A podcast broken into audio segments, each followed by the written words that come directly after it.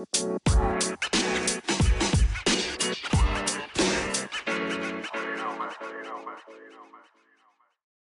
hey, super tof dat je luistert naar een nieuwe aflevering van de Positief met Pubers podcast. Mijn naam is Janneke en dagelijks beantwoord ik allerlei vragen via mail en DM van ouders die struggelen met dingen in de opvoeding van hun puber. Ik beantwoord deze vragen en in de podcast behandel ik elke aflevering een vraag met jou. Ik geef je mijn visie en ik neem je mee in mijn dagelijks leven. Mocht je dat nog niet gedaan hebben, abonneer je dan op deze podcast, zodat je geen aflevering meer mist. En als je deze podcast tof vindt, geef het dan zoveel mogelijk sterren of een positieve review. Hoe meer positieve reviews, hoe meer platforms als Spotify en Apple Podcasts deze podcast gaan aanbevelen aan andere ouders die deze podcast nog niet kennen.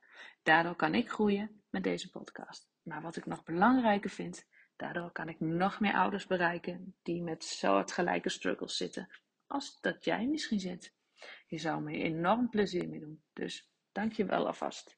En nu gaan we gauw beginnen. Goed dat je weer luistert. De aflevering van vandaag gaat over je puber laten ervaren dat sommige dingen wel kunnen en andere dingen niet. Weet je, als mens zijn we eigenlijk hele eigenwijze wezens. Wij willen dingen graag op onze eigen manier doen, omdat we denken dat dit de juiste manier is, of misschien wel omdat we de buitenwereld willen laten zien dat we het zelf kunnen. Wat de reden ook is, ik denk dat we allemaal wel zo'n ervaring hebben, toch? Een ervaring waarin we denken van, oh ja, dit had ik eigenlijk anders moeten doen, of had ik maar geluisterd naar. dat. En dit bedoel ik niet negatief, want ik ben er namelijk van overtuigd dat deze ervaringen ons meer hebben geleerd dan wanneer we gewoon eigenlijk het klakkeloos, het advies van anderen altijd maar opnemen. Soms zit het gewoon in ons dat we het gewoon zelf willen proberen te doen. Dat is mijn ervaring bij mezelf en bij heel veel anderen. Nou, Aanleiding van deze podcast is. Al enige tijd heb ik contact met een ouder. Ze heeft een puber uh, die zit in het examenjaar. En dit brengt nogal de nodige stress met, met zich mee, omdat deze puber het en heel graag goed wil doen, maar daarnaast ook kampt met een aantal lichamelijke en mentale klachten. En deze klachten zorgen ervoor dat hij minder energie heeft en de energie die hij heeft vooral opgaat aan zijn mentale problemen en met name de gedachten die hij daarover heeft. Nou, ik heb al meerdere keren met deze moeder gesproken en ze vertelde dat, uh, dat het eigenlijk heel erg lang goed ging. En dat deze puber ook zich op een gegeven moment ook had voorgenomen om dit jaar voor het examen te gaan. Dat was een keuze die hij gemaakt had. Nou, ouders vonden daar wat van, maar ze hadden zoiets van: oké, jij wil dit graag, wij gaan je daarin steunen.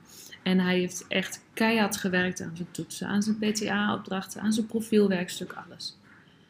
Belangrijk om daarbij te vermelden is wel dat ouders inderdaad die afspraak met hem hebben gemaakt. En dat ze hem zouden steunen in zijn keuze. Maar wanneer ze zagen dat het ten koste zou gaan van zijn gezondheid, zouden ze ingrijpen. En dat was dus afgelopen weekend. Moeder nam opnieuw contact met me op en uh, ja, ze vroeg me eigenlijk wat te doen. Ze had me even kort bijgepraat. En uh, nou ja, wat ze tot nu toe hebben gedaan is de keuze en de verantwoordelijkheid bij een puber gelegd. Maar ze zagen dus, zoals afgelopen weekend, dat dit zijn tol begon te eisen. De klachten werden meer, zijn energie werd minder. En, en zijn resultaten op school werden ook minder. Nou, en ze wisten niet zo goed meer wat ze doen. Nou, we hebben even gebeld, want dat leek me makkelijker dan via de mail. En hetgeen wat ik hen geadviseerd heb, mag ik van hen met jullie delen. Nou, even een side note. Dit advies heb ik kunnen geven op basis van mijn ervaring. Weet je, ik werk al meer dan 15 jaar met leerlingen in het onderwijs die lichamelijke klachten ervaren. En vaak gecombineerd met mentale klachten. Ik heb geen medische opleiding, ik ben geen psycholoog, maar ik heb wel heel veel ervaring op dit vlak. En daarbij uh, in de eerste jaren heel veel begeleiding hierbij gehad van de professionals om me heen. Onder andere revalidatiearts, psycholoog, onderwijskundige, orthopedagoog. Een heel deskundig team. Vandaar dat ik ook mij, op dit moment capabel genoeg voelde om ouders daarin advies te geven. Maar je zal ook merken dat in dit advies um, dat ik ook nog weer aangeef van laat je goed adviseren door school. En nou, dat, maar daar kom ik zo op. Want mocht ik mij namelijk niet capabel voelen, zou ik dat deze natuur, ouders natuurlijk zeggen en zou ik ze ook doorverwijzen. En dat is ook iets wat ik regelmatig doe. Wat ik heel goed vind van deze ouders is dat ze in eerste instantie de verantwoordelijkheid bij hun puber hebben neergelegd. Dat het zijn keuze is geweest om, ondanks zijn klachten, ondanks alles waar hij mee te dealen had, is gegaan voor zijn diploma. Dat die keuze echt gemaakt is. En moeder gaf ook aan dat de school hierin heel flexibel was. En haar puber hierin de ruimte gaf om eventueel toetsen laten maken. En, en ik besef mij en ik weet uit ervaring dat dit natuurlijk heel wat vraagt van zowel de betrokken docent als de school. En met name de mentor op school.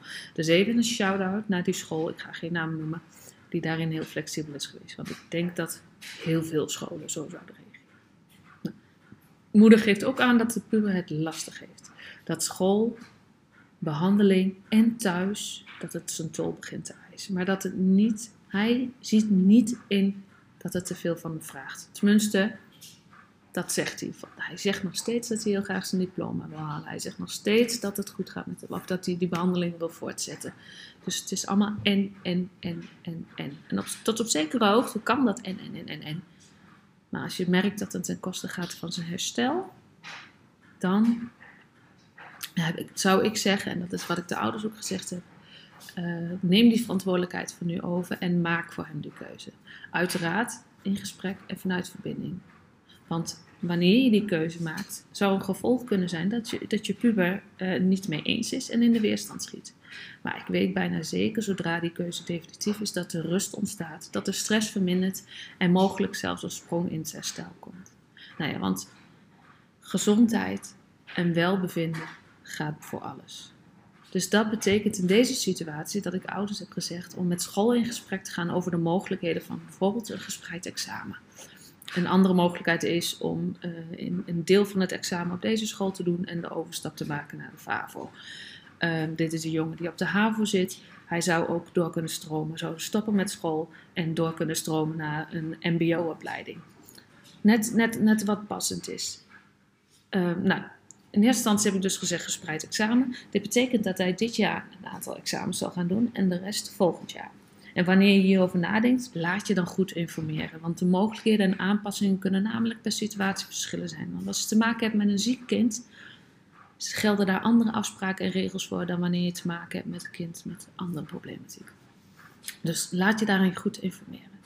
Denk ook na over welke vakken je dan dit jaar afrondt en welke volgend jaar. En ook vraag hierin advies aan je decaan, eventueel aan docenten. Want de docenten geven jou natuurlijk les en die weten hoe jij functioneert en die weten wat de haalbaarheid is. Of die kunnen dat beter inschatten dan jij zelf misschien.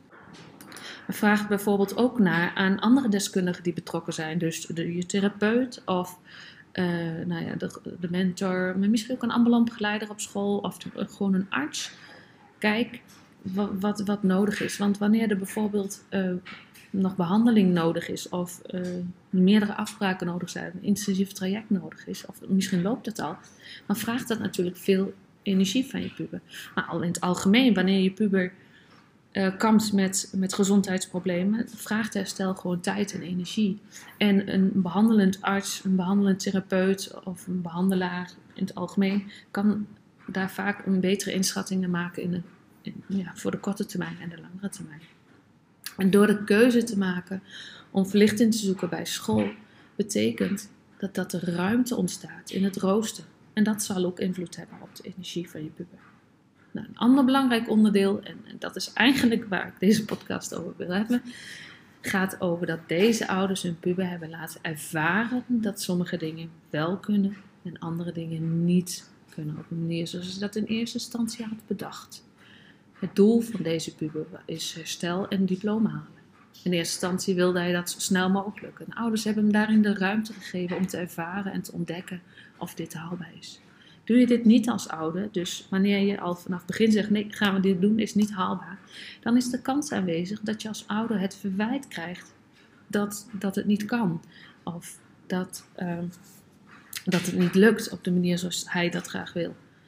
Dus door ze te laten ervaren of iets mogelijk is op hun eigen manier of niet, maar aan de zijlijn aanwezig zijn op het moment dat het nodig is, door hem te inspireren, te begeleiden en te ondersteunen, geef je ze het vertrouwen dat ze hun eigen weg mogen wandelen. Zelf mogen ontdekken dat ze, dat ze ja, dat iets haalbaar is of niet. En dat geeft vertrouwen. Dat mogen ervaren geeft vertrouwen. Dat laat hem groeien. Want door te ervaren leren ze veel meer dan wanneer het voor hen wordt bepaald. leren ze dat ze zelf verantwoordelijkheid mogen pakken en mogen nemen voor een keuze. En jouw begeleiding is hier heel, heel erg belangrijk, omdat, ja, weet je, ze kunnen dat zelf nog lang niet overzien. Dus dat, daar hebben ze jou voor nodig. En zeker ook is die begeleiding nodig op het moment dat het niet lukt zoals ze in gedachten gaan. Of als ze het gevoel hebben dat ze falen. Of als ze het even, als ze het even niet meer zien zitten. En jij toch ook ziet van dat je de potentie is. Dus als op dat moment, als ze het gaan zien als fout of als falen of als het niet gaat lukken. Wij weten natuurlijk dat het niet een fout is. Dat het geen falen zal zijn. Dat het nooit en te nemen een foute keuze is. Maar meer dat het een gouden les is om te leren en te ontwikkelen. Maar dit ziet je puber nog niet. Dit weet je puber nog niet. Daar hebben ze jou ook voor nodig. Jij bent als ouder en blijft als ouder belangrijk in het leven van je puber. Al voelt dit soms niet zo en zegt je puber dat ze je niet meer nodig hebben. Het tegendeel is waar. Ik geloof echt dat, dat onze kinderen hier zijn en dat wij hier zijn om andere mensen te begeleiden en te inspireren. Ik geloof dat onze kinderen niet ons bezit zijn en dat het onze rol is inderdaad te begeleiden en inspireren. En ja, daar horen ook kaders bij. Ja, daar hoort ook bij dat je soms op je nagels moet bijten en de rust moet bewaren. Daar hoort ook bij liefhebben en houden van, no matter what. Dat was hem voor vandaag. Ik hoop dat je inzicht hebt gekregen. Wanneer je deze podcast waardevol vond, deel hem dan op je social media kanaal. Of deel hem met iemand die, die je wat aan heeft. Want doordat jij deze podcast deelt, doordat jij andere mensen erop attendeert, kan deze podcast groeien, zoals ik al gezegd heb. En help jij mij enorm, maar met name nog help je andere ouders enorm. Dankjewel voor het luisteren en tot de volgende keer.